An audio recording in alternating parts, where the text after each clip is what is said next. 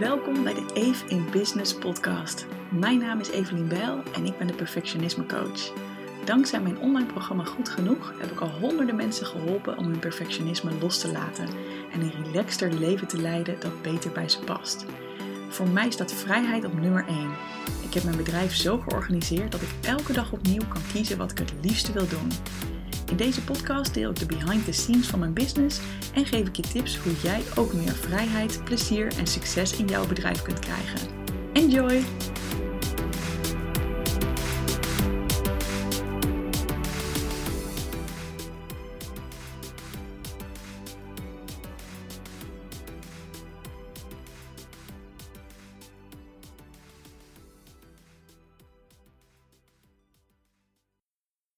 Hey, wat super leuk dat je weer luistert. Ik heb zoveel zin om met je te kletsen. En um, er gaan weer een paar mooie podcasts aankomen. Wordt uh, de komende weken even wat regelmatiger. Um, en ja, deze eerste is eigenlijk meteen heel erg persoonlijk. Want het gaat over iets wat ik letterlijk, even nadenken, twee dagen geleden met een coach besproken heb. Um, en het gaat over straalangst.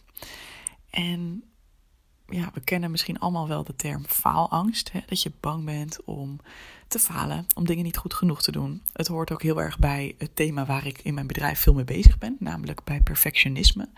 Hè, daar zit ook heel vaak faalangst bij, dat je bang bent dat je iets niet kan, dat je het niet gaat redden, um, dat het je niet gaat lukken en dat je dan daarom maar niet begint aan dingen, bijvoorbeeld. Maar je hebt ook iets wat daar eigenlijk het, uh, de tegenhanger van is. En dat is dus, uh, ja, ik noem dat zelf straalangst. Ik heb die term niet zelf verzonnen, maar uh, mijn coach had hem nog nooit gehoord, dus die vond het wel een grappige. En de vraag die wij eigenlijk in dat coachgesprek um, behandelden was waarom ik me de afgelopen weken niet zo lekker in mijn vel had gevoeld. Waarom ik een beetje, ja, gewoon een beetje een constant, licht, ontevreden, ongelukkig gevoel had. En ik weet niet meer precies hoe ze het deed, maar ze stelde me een paar vragen. We hadden het zo een beetje daarover. En ineens kwam daaruit um, dat ik ook in contact met mensen in mijn omgeving niet altijd helemaal mezelf ben de laatste tijd. Want ik heb soms het gevoel dat ik er niet helemaal 100% mag zijn. Met al mijn mooie successen van het afgelopen jaar. Um, met alle, hè, want ik heb het bijvoorbeeld financieel gewoon heel erg goed. Uh, mijn bedrijf loopt gewoon heel erg goed. En ik heb het ook nog eens een keer zo fijn voor elkaar gekregen dat ik een heel prettig team heb dat mij volledig ondersteunt en dat eigenlijk al mijn taken uit handen neemt, waardoor ik de volledige vrijheid heb om te doen wat ik wil. Nou, daar gaat deze podcast natuurlijk ook over. En uh, ik vond het dus ook heel gek dat ik niet zo lekker in mijn vel zat. Want ik dacht, ja, jeetje, het is juist eigenlijk het beste jaar uh, heb ik achter me wat ik me maar had kunnen wensen.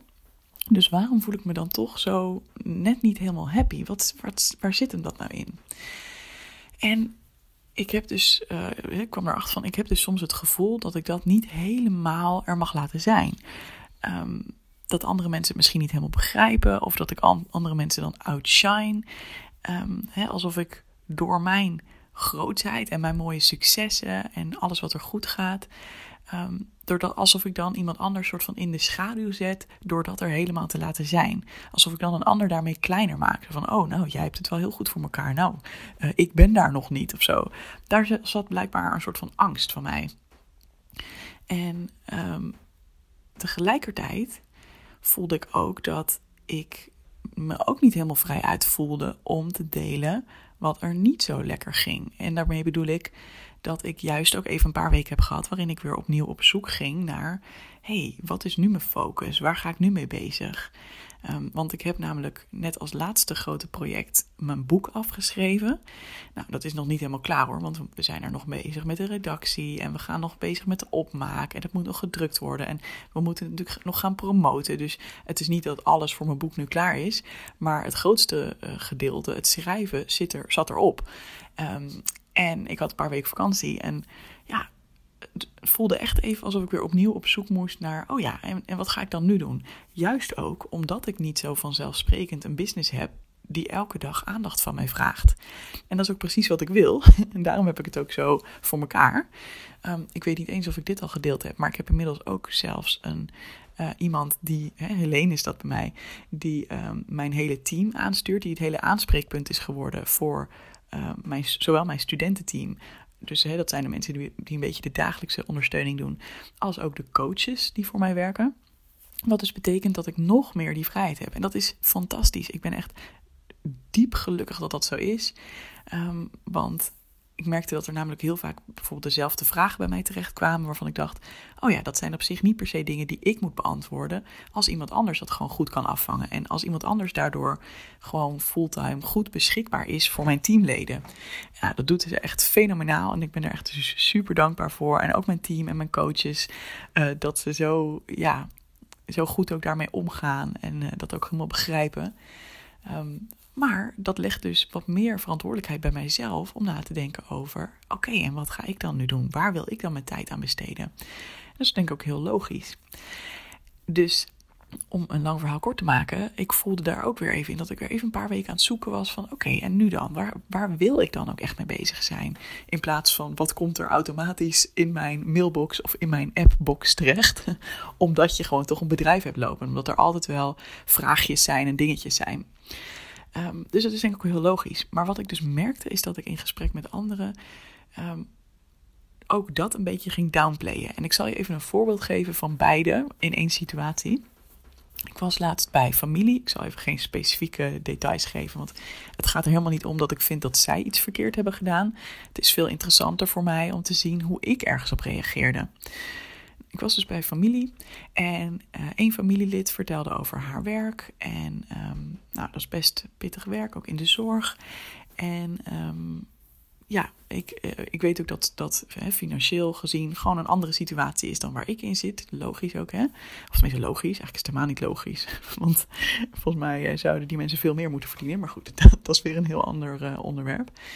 Um, dus ik merk al dat ik daar dan al een klein beetje voel van, oh ja, ik, ik ga daar niet voluit uh, zitten opscheppen, tussen aanhalingstekens, over wat ik allemaal heb bereikt en weet je wel, allemaal omzet en dat soort dingen. Nou, en volgens mij is dat gedeelte ook nog niet eens zo heel dramatisch. Dat je gewoon een beetje sensitief bent voor uh, hoe een ander uh, erin zit en hè, dat je dan nou ja, daar een beetje rekening mee houdt, zeg maar. Maar alleen al dat ik dus dat woord opscheppen gebruik, dat zegt al genoeg over hey, mag ik echt uh, shinen? Mag ik ook echt gewoon, hè, mag ik helemaal blij zijn met waar ik ben? Mag ik echt gelukkig zijn? Mag ik trots zijn met waar ik nu sta? Dus daar zat al iets in. En uh, op een gegeven moment vroeg zij ook aan mij van, en hoe gaat het dan met jou? En toen vertelde ik dus een beetje wat over dat gevoel van onrust, van een beetje verveling, van een beetje niet helemaal weten wat ik nu ga doen. En uh, daar zei ik ook zelf bij, en nou, dat is ook weer interessant, van um, ja, ik heb het ook eigenlijk iets te goed voor mekaar, want mijn hele team vangt al mijn werkzaamheden op. Dus ik, ik heb eigenlijk niet zoveel te doen. Dus ik zei het ook een beetje op zo'n manier van, haha, weet je wel? Alsof ik mezelf daarmee een beetje belachelijk maakte van, ja, ik, uh, ik heb het iets te goed geregeld en nu verveel ik me, haha. En even later in het gesprek zei een ander familielid um, tegen mij, naar aanleiding van iets wat ik toen had gezegd, van ja, ja, dat krijg je nou eenmaal, Evelien, als je al, al je werk uitbesteedt. Dat krijg je, Evelien, als, uh, als je andere mensen je werk laat doen. En het voelde even als een soort van steekje, als een soort van sneertje van... Oh, wacht. Dus ik, ging vlak daarna even naar het toilet. En ik voelde me een beetje geraakt. En wat ik toen echt voelde gebeuren in mezelf, is dat ik dacht: oh ja, um, ik mag ook helemaal niet klagen, want het gaat supergoed en ik heb het juist heel makkelijk. En dan ga ik nu een beetje zitten klagen over hoe goed ik het geregeld heb, dat ik het niet eens druk heb uh, en dat ik me verveel. Nou, boe fucking hoe, hou je maar lekker even in, Evelien, want er zijn ergere problemen in de wereld. Dat herinner ik me echt heel goed. En, en het grappige is ook dat ik op dat moment ook echt dacht van, oh ja, inderdaad, ik moet me ook inhouden. Ik moet me ook kleiner maken. Ik mag ook niet helemaal laten zien hoe ik me voel, want dat is minder belangrijk dan iemand anders die keihard werkt en het heel heftig heeft momenteel. Uh, weet je wel, daarbij vergeleken stellen mijn problemen tussen aanhalingstekens niks voor. En eigenlijk pas in dat gesprek met mijn coach uh, dacht ik, hè, en gaf zij mij ook terug van ja, maar waarom? Want jij mag er toch ook gewoon zijn. En eigenlijk alleen als hoeft alleen maar even die vraag te stellen van... hé, maar wat gebeurt er dan? Dat ik zag, en toen zag ik eigenlijk al meteen in van... hé, hey, dit is niet, dit is niet oké. Ik mag er ook gewoon zijn. Ik mag ook voluit genieten. Ik mag voluit stralen. En ik mag ook voluit laten zien hoe ik me voel. En dat is allemaal oké. Ik hoef niet uh, mezelf in te houden en kleiner te maken. Alleen omdat ik denk dat dat voor een ander beter is. Want de vraag is natuurlijk: is dat überhaupt beter voor een ander?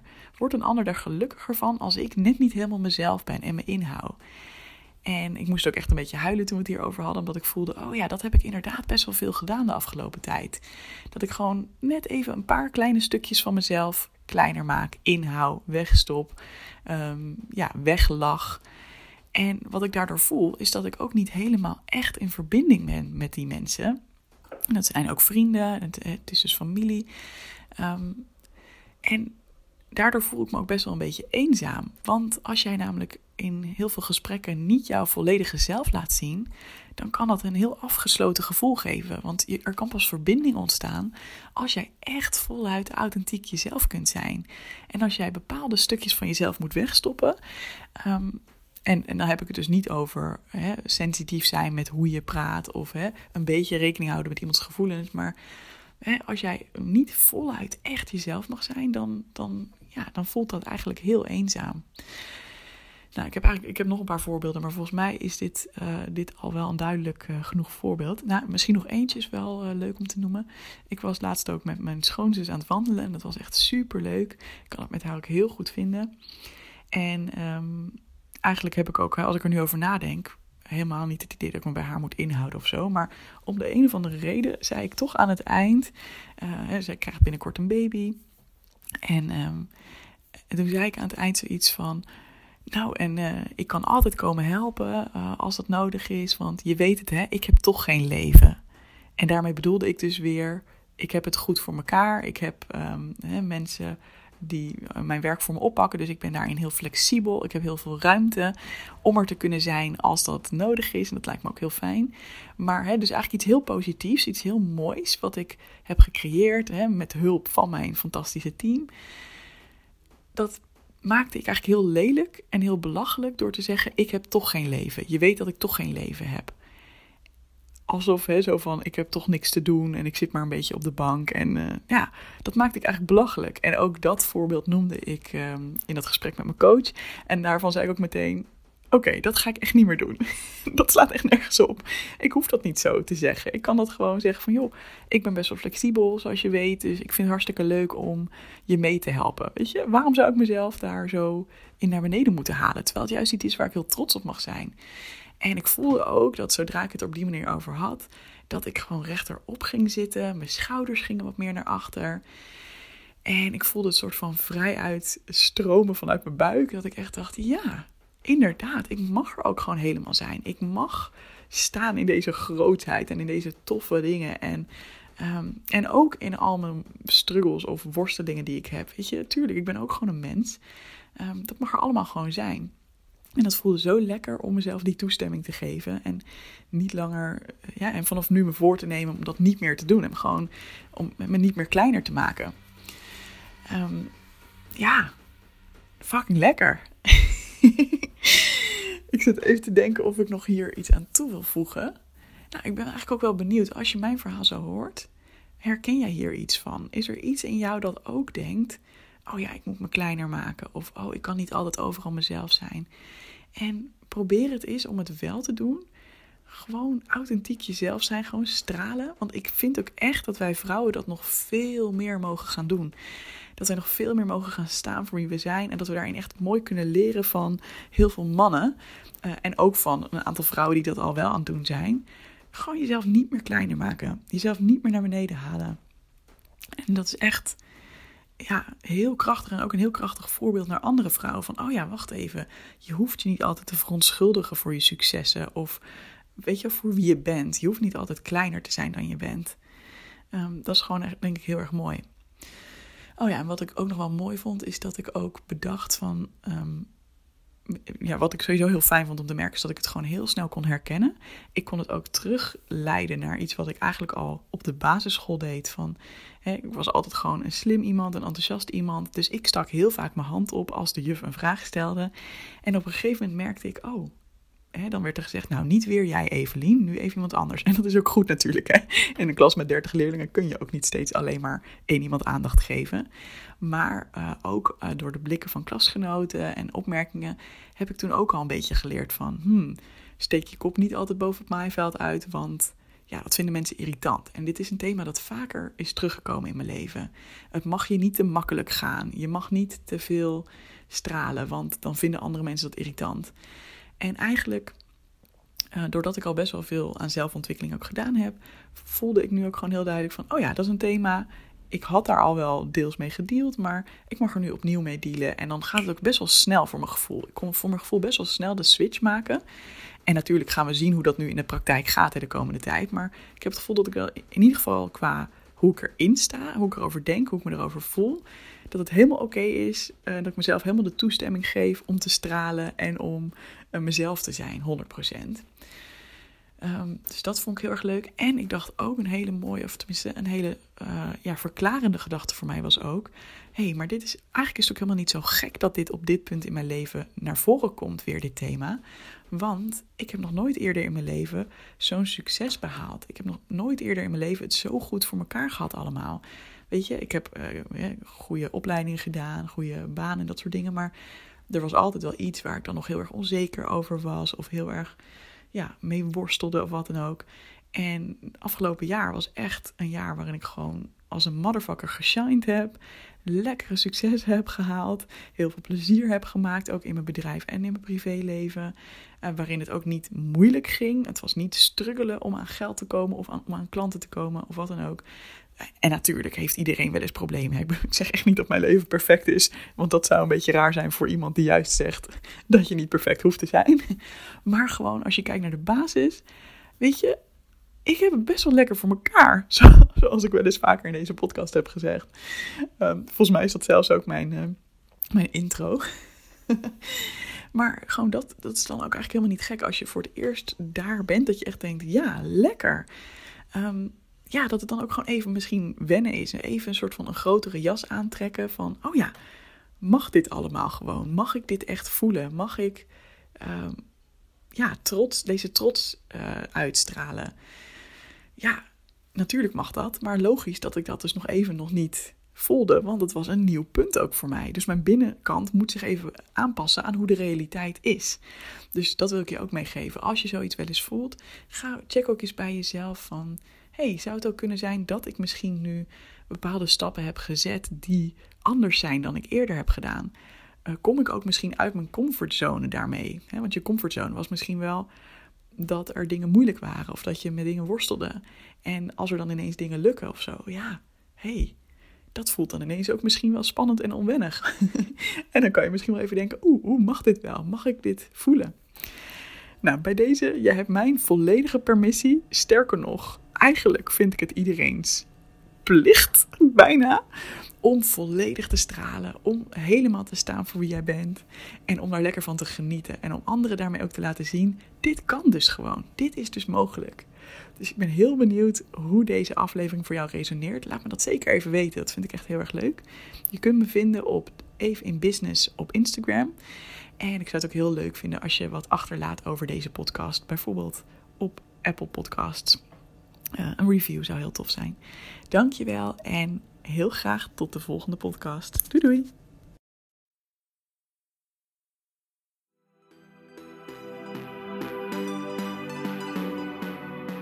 Wil je meer tips over ondernemen vanuit vrijheid? Vraag dan gratis mijn e-book aan op doelgerichtecoaching.nl slash ondernemen.